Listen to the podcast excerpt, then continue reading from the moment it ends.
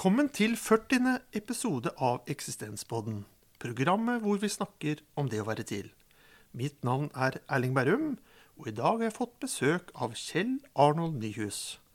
Du er blitt anbefalt av Håkon Christian Gaugstad, en av våre tidligere gjester. Først og fremst, takk for at du ville komme. Tusen takk for at jeg ble invitert. Hvordan vil du kort beskrive deg selv? Ja, Kort beskrive meg sjøl? Ja, jeg har nå blitt Jeg blir 69 år nå ganske snart. Jeg har vokst opp på Gjøvik i et eh, må jeg si, trygt og godt miljø. Jeg er vel en relativt Hvis jeg først tenker ekstrovert, introvert, så er jeg kanskje litt over på den introverte sida.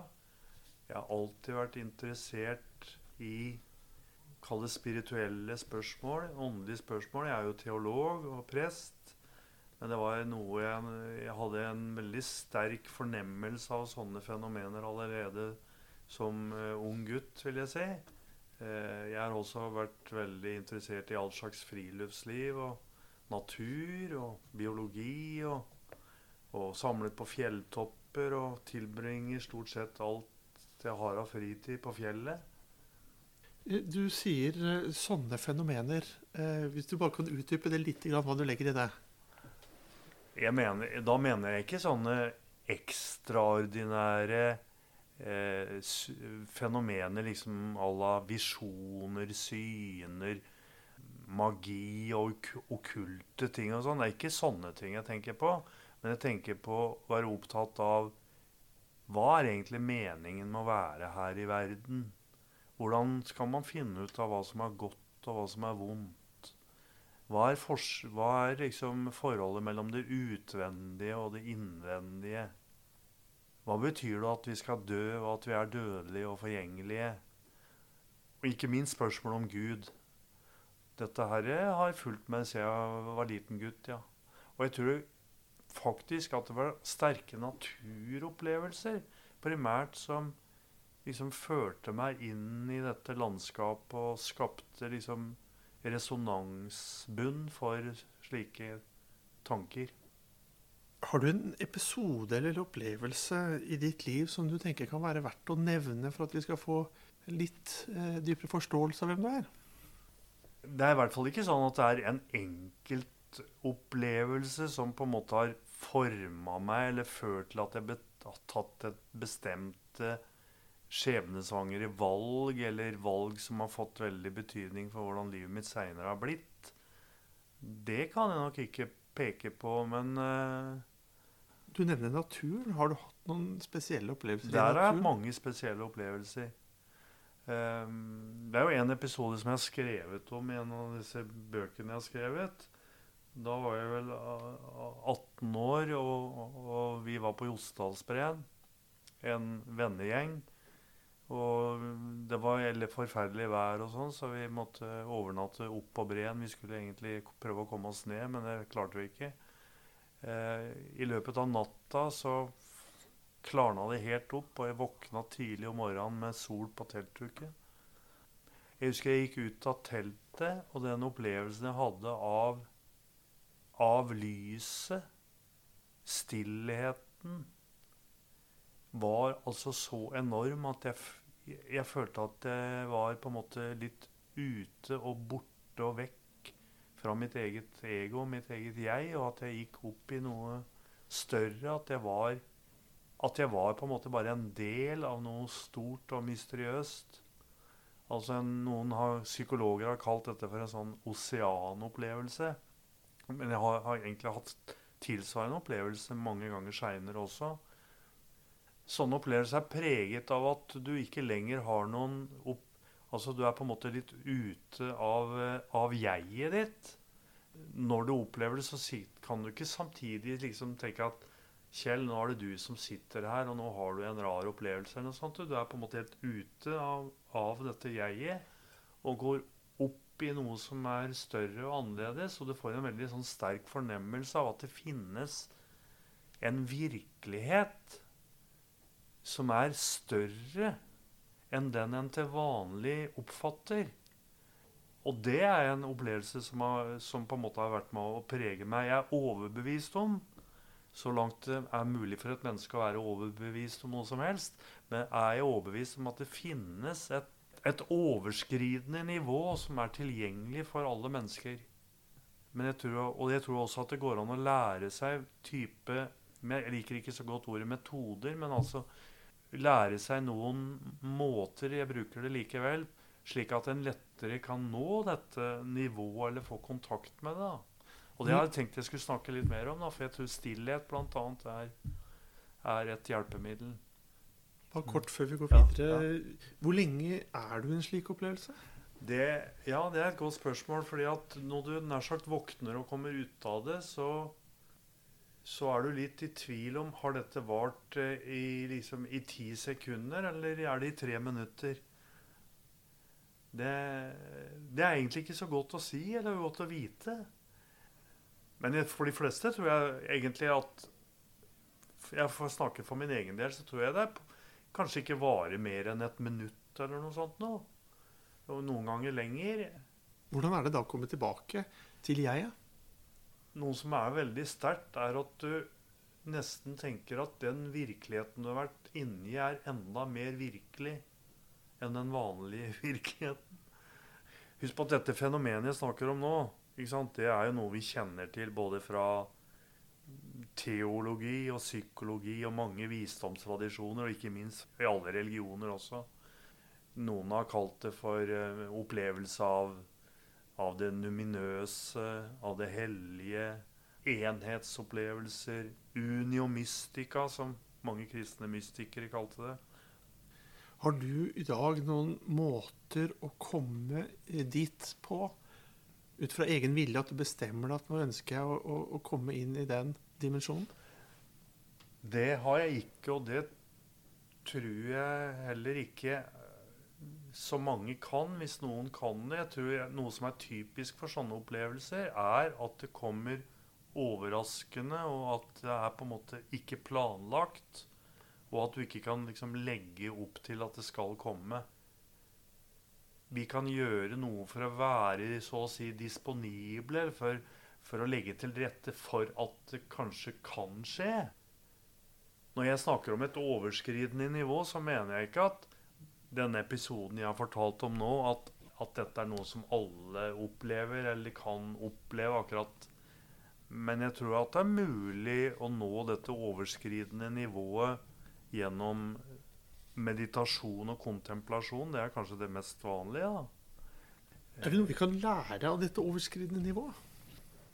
For meg kobler jeg jo dette tett opp til min gudstro, naturligvis. For jeg tror, jo også at uh, Gud representerer et overskridende nivå, naturligvis. Og at jeg veit at en trenger ikke være noen troende eller ha noen gudstro, for, og, og, og at en likevel kan ha sånne opplevelser. Men for meg så er det veldig naturlig å tenke, og jeg fortolker det på det slik at jeg ser på dette som en slags bekreftelse på at det finnes en type virkelighet utover slik vi til daglig opplever da, eller tenker om det. Opplever du det som en god følelse, en god erkjennelse? Ja. For jeg knytter jo til Gud. Jeg tror at Gud er det, det absolutt gode. Det ene gode.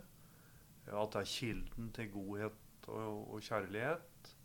Og at Gud er tilgjengelig for alle mennesker til alle tider og på alle steder. Jeg identifiserer meg veldig mye med det som gjerne kalles for kristen mystikk. I denne mystikken som er som en sånn understrøm i, gjennom hele kirkehistorien. Egentlig i alle typer kirkesamfunn også, litt på tvers av sånne tradisjonelle skillelinjer mellom forskjellige kirkesamfunn, men kanskje mest kanskje vært sterkest til stede i den ortodokse og katolske kirke. da. Men der legger en jo veldig vekt på at Gud er ikke bare tilgjengelig liksom i kirkerommet eller gjennom sakramentene eller via hellige personer eller steder og sånn, men at du kan ha en umiddelbar kontakt med Gud gjennom din egen person, gjennom din egen sjel. Og at Gud så å si bor også ikke bare der ute og fyller alt, men han, han bor også i meg og i deg. Tenker du at Gud også er tilgjengelig for de ikke-troende? Ja, altså i den betydningen at jeg tror at eh, alle mennesker eksisterer jo i kraft av eh, Guds bevissthet og i kraft av, eh, i kraft av Gud, kort og godt. Som opprettholder hele alt. Som puster liv inn i universet, og som holder oppe naturlovene, og som gjør at alt eksisterer, kort og godt. Som Paulus, for å sitere Paulus, det er i Gud vi lever, beveger oss og er til. Og dette sier han jo naturligvis ikke bare om noen enkeltmennesker, men om menneskeheten. Men det, men det er jo naturligvis unødvendig å si at det er jo ikke alle som, som oppfatter det sånn, eller tror at det er sånn. men Du har også blitt bedt om å velge ut en grunnleggende dimensjon ved det å være til som menneske.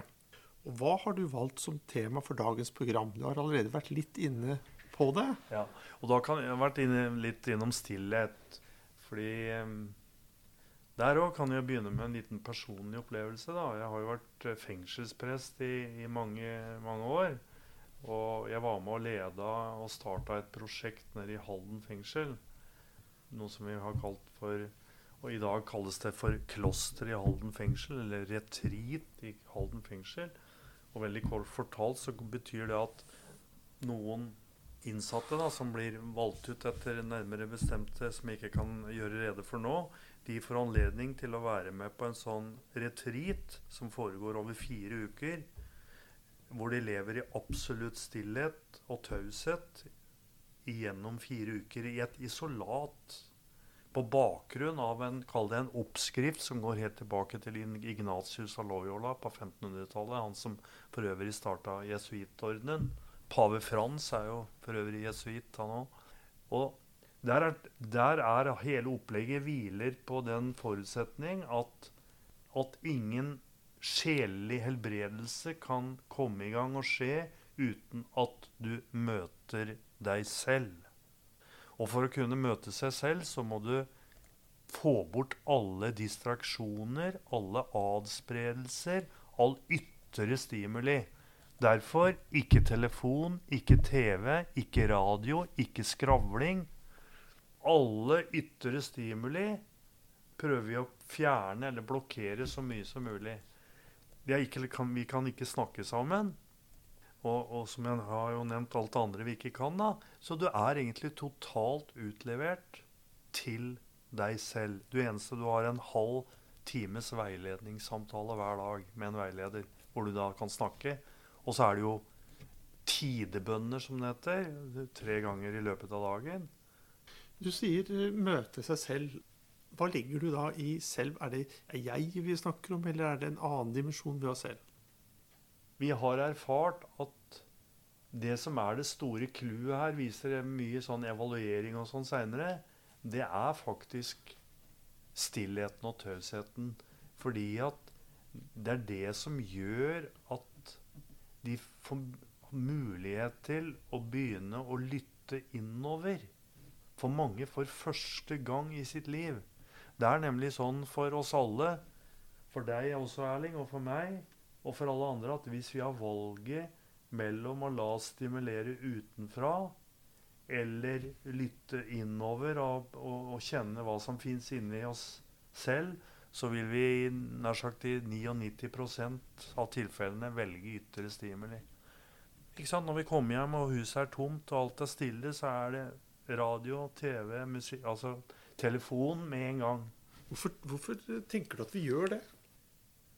For det er på en måte skummelt for de fleste av oss å møte oss sjøl. Eh, eller det kan være veldig vanskelig. Det er knytta til angst, skam, usikkerhet, frustrasjon uvisshet. Alt dette som vi gjerne vil døyve, og som vi døyver aller best og mest effektivt ved ytre stimuli. Mer sansestimuli.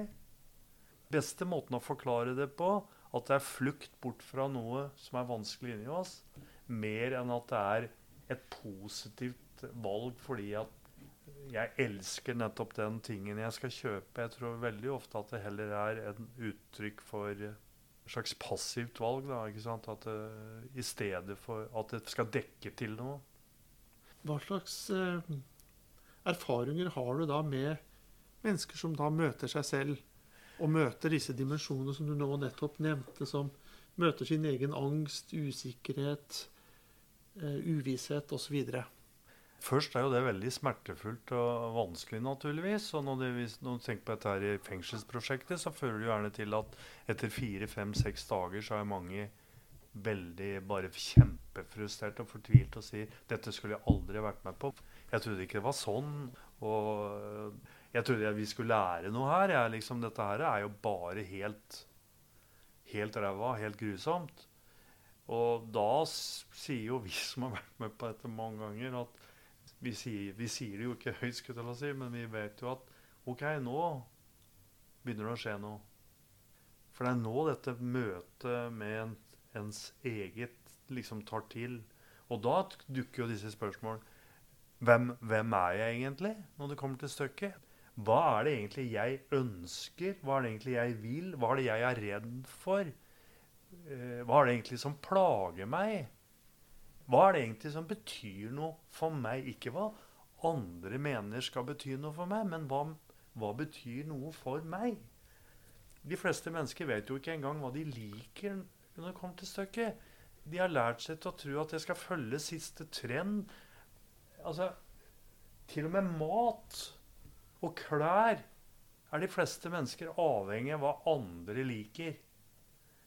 Vi er på mange måter så uavhengige, så ufrie, og styres utenifra fordi vi er så grunnleggende usikre på hvem vi selv er. Jeg er ute av det der i Halden nå, for det er andre som har tatt over. med prosjektet fortsetter. Men dette førte til at min nysgjerrighet på stillhet og på egen identitet ble så sterkt at jeg ville dra det litt videre. Så jeg bestemte meg for å dra 40 døgn i stillhet og taushet uten ytre stimuli. Ikke bare i et, ikke et fellesskap, men aleine. Så jeg var 40 døgn aleine på ei hytte på fjellet. Uten TV, uten strøm, uten telefon, uten radio og alt det der. For å se hva som skjedde da. Ble du bedre kjent med deg selv? Ja. ja. Er det slik at stillheten gir oss en anledning til å definere hvem vi er, på en måte vi ikke har gjort tidligere? Ja, altså dette her med identitet og hvem vi er og alt dette her, det er jo et kjempetema betraktet fra psykologien, ikke sant? Og jeg opplever i hvert fall med den kunnskapen jeg har, at, at mange i dag har gitt opp forestillingen om at det finnes et essensielt jeg, altså en kjerne. At det er et eller annet der inne som er Kjell. Men jeg tror også at jo nærmere vi kommer dette Hvis jeg nå kaller det for det egentlige jeg, da, så vil vi også komme nærmere det fellesmenneskelige og det alminnelige. Det å finne seg selv, som jo er en sånn uh, sjablong Kristen forstått, så betyr egentlig det å kvitte seg med alle løgnene, med alle maskene, uh, med all forstilling Et flott bilde som f.eks. Eckhart bruker, en, en, en, teolog og filosof fra 1300-tallet. Han sier jo at eh, hvis du tenker deg en trestokk Inni trestokken så ligger det et portrett. Og for å finne dette portrettet så må du skjære bort. Du former jo ikke dette portrettet ved å legge til noe, men ved å fjerne noe. Jeg, jeg liker veldig godt det bildet, for det betyr at ved å finne dette egentlig Kjell, betyr det fjern løgnene, ta bort maskene dine, ikke lat som noe, ikke spill spillet. Hvorfor gjør vi bruk av løgn og masker istedenfor å oppsøke vårt mer egentlige jeg, ja, da, som du sier? Frykt er i hvert fall en, en faktor som jeg tror er viktig her. Vi er redde for at det vi egentlig er, at det kanskje ikke er bra nok, eller at det ikke det vil bli tatt imot av andre, eller at ikke det er, er det som passer. At vi er redd de andres blikk på oss. Hvordan ble du tatt imot eh, etter dine 40 dager alene? Hvordan det var å komme tilbake igjen? Jeg satte meg på toget fra Oppdal, var dette her. Og det første som slo meg, var egentlig hvor Jeg syns alle snakka så forferdelig høyt. altså dette her med hvor tilpasningsdyktige vi mennesker er. Det jo, tok jo ikke veldig lang tid før jeg var bak, tilbake i den andre tralten. Men det er jo opplevelser og innsikter fra disse 40 døgnene som jeg har med meg jeg vil si hver, jeg vil si hver eneste dag etterpå, egentlig. Jeg mener å huske at Heidegger han skiller jo veldig mellom eh, de to værensformene medværen og aleneværen. Mm. Så tenker jeg at eh, vi i vår hverdag i dag eh, gjør kanskje ikke den distinksjonen. Mm. Og kanskje burde vi gjøre den distinksjonen og, og bruke liksom tid på begge værensformene. Hva tenker du om det?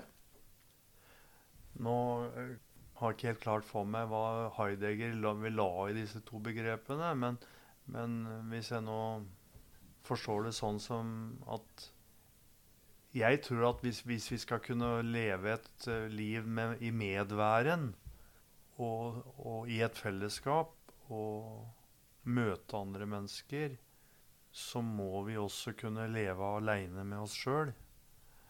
Det ville bli jo veldig ofte satt opp mot hverandre. ikke sant? Liksom Et kontemplativt liv og et liv til et tilbaketrukket og et liv hvor en agerer i verden og gjør noe for de fattige og sjuke og sånn. Som om det var liksom to veldig forskjellige ting. Men det viser seg at hvis du begynner å, nær sagt, å studere mange av de som har virkelig levd et liv for andre, så har det ofte vært mennesker som har brukt tid på også å være tilbaketrukket, aleine, samle seg, oppsøke stillheten.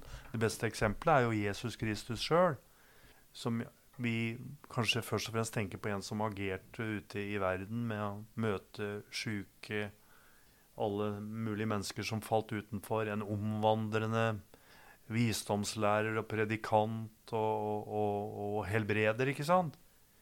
Men det står jo masse, mange ganger i evangeliene at han trakk seg tilbake i ensomhet for å be. Ved å trekke seg tilbake, da, og da kanskje inn i en eh, aleneværen hvor, hvor du er alene om verden, det vil jo da kanskje kunne gi en bedre balanse da, i egen hverdag. Mm. Tenker du at mange i dag har for lite aleneværen, og, og på den måten kommer litt i ubalanse da, med seg selv? Altså, jeg praktiserer jo Jeg er jo selv et bedende menneske. og sånn, Jeg er ikke så opptatt av hva, hva er forskjellen på meditasjon og kontemplasjon og bønn og sånn. er her, disse begrepene brukes jo litt om, om, hverandre, og de overlapper hverandre. Og de brukes på litt forskjellige måter, forskjellige typer litteratur og sånn. Men eh, om du vil, så praktiserer jeg alle tre, for den saks skyld. Jeg tror at de fleste mennesker, hvis de bare klarte fem minutter hver dag Oppsøk et stille sted. Sett deg ned. Kjenn på pusten din. Glan ut av vinduet. Se på et tre. Tenn et lys. Si til Gud, eller bare til deg selv, 'Her er jeg'. Sånn har jeg det. Det er denne indre Kall det samlingen, at noe faller til ro. Det er så utrolig mye stimuli, som jeg snakket om hele tida. Så det er på en måte en, en slags sentrifugal kraft ikke sant, som kaster oss utover hele tiden, bort ifra et sentrum. Og vi trenger å vende tilbake til dette senteret. Du vet at glass, Hvis du tar et glass med, med sølevann og, og, holder det urolig hele tida, eh, som et bilde på vår urolige tid eller vår urolige sjel, så vil det vannet forbli uklart og sølete. Hvis du setter det, og det får lov til å stå dønn i ro, så vil grums etter hvert synke til bunns, og vannet klares. For min egen del at det er et bra bilde på hvordan vårt indre kan klares. Når noe av all denne støyen og alt dette utvendige og alle meningene om alt og alt får lov til bare å synke. Du har jo god erfaring i stillhet. Hva vil du si til de som eh, ikke bare frykter stillhet, men syns stillhet er litt ubehagelig? Hva kan du si til de for å kanskje ta bort noe av den frykten, eller ta bort noe av det ubehaget? Altså, noe av dette ubehaget skal en kanskje ikke fjerne. For det er kanskje at noe av dette ubehaget kan fortelle deg noe veldig viktig. Som kanskje er vondt å høre, eller kanskje ikke er noe behagelig å høre. Men kanskje dette ubehaget også forteller noe om noe som er veldig sant. Og som du kanskje kan gjøre noe, med, eller burde gjøre noe med. Hva tenker du på da? Nei, Jeg satt jo ikke og tenkte på noe helt konkret nå, men det kan jo være noe så hverdagslig at all den uroen og det som gjør at du hele tida må fylle på, er fordi at du har et så vanskelig forhold til en av dine nærmeste, for å ta noe sånt. ikke sant? Og at når det blir stille rundt deg, så kommer det opp med en gang. Og den forteller deg Kanskje er det et menneske du burde be om unnskyld, unnskyldning. Kanskje er det et menneske du burde rekke ut en hånd til.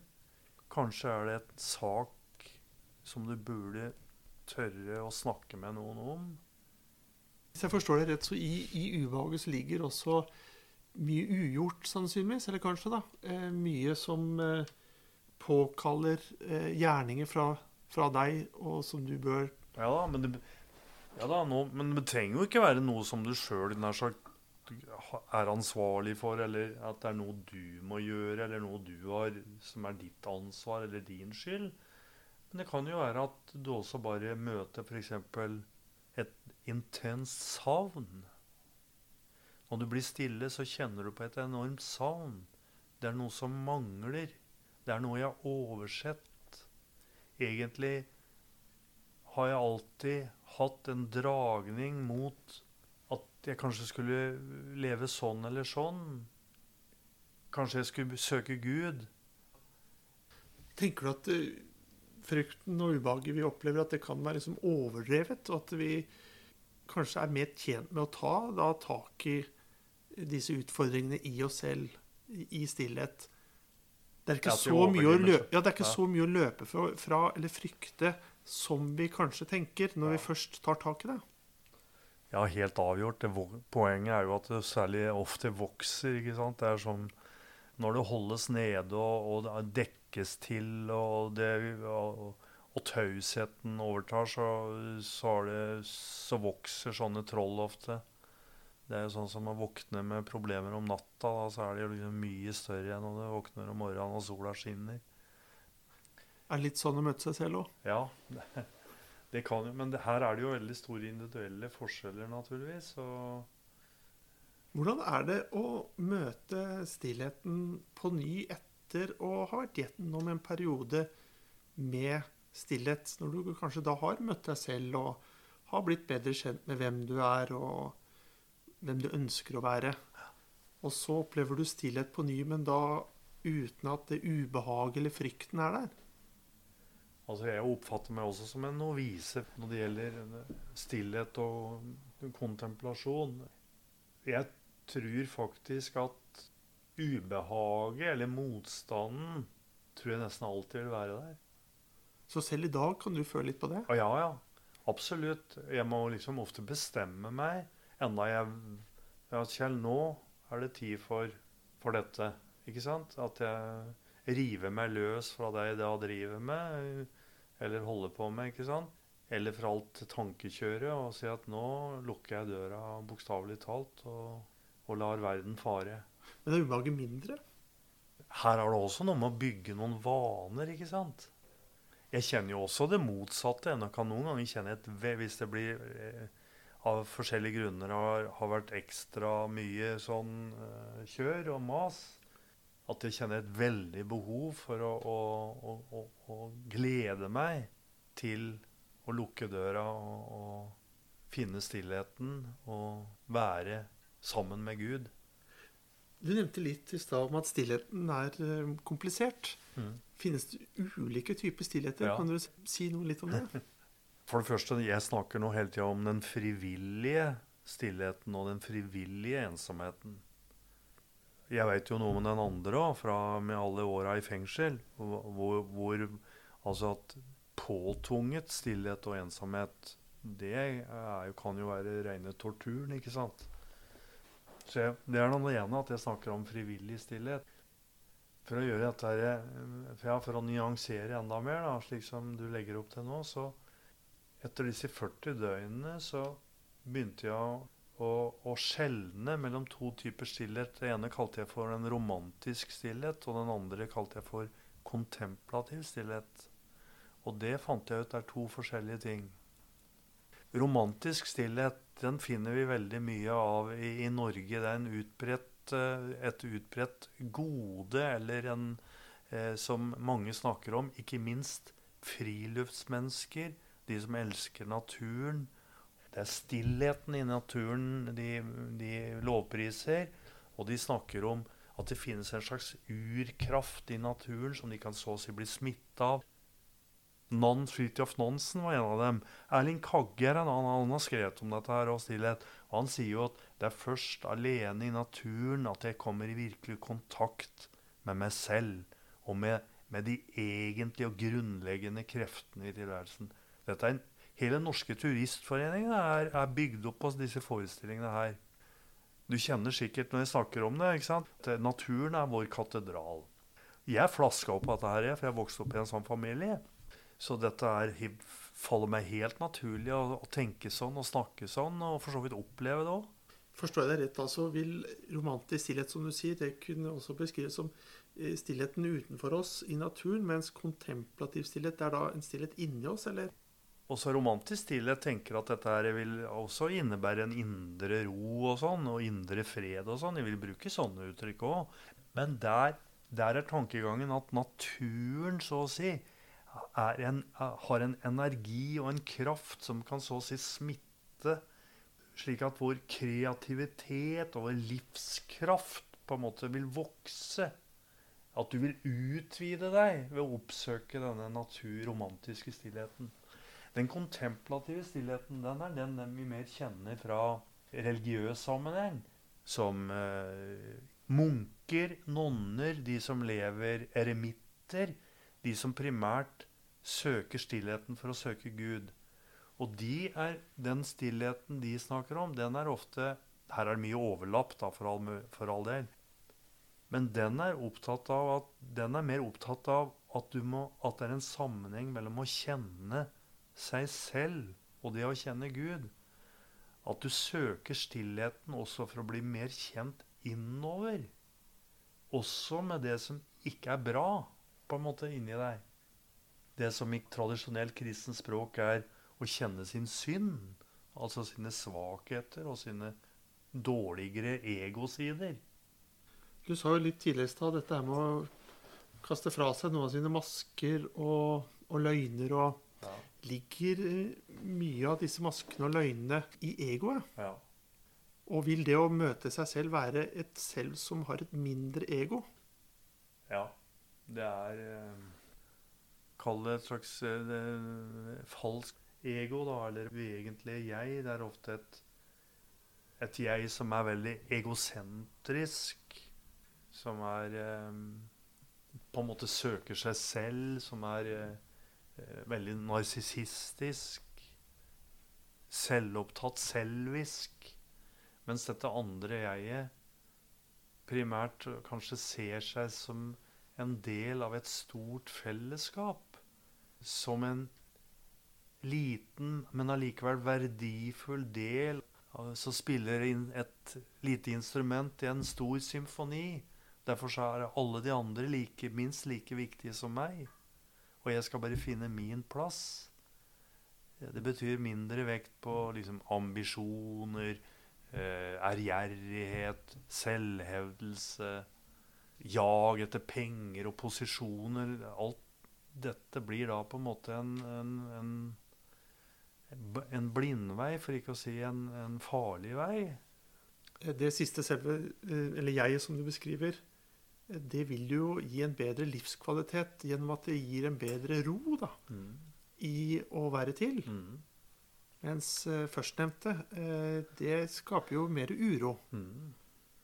Opplever du i dag at du er roligere enn du var før du ble litt mer bevandret i stillheten?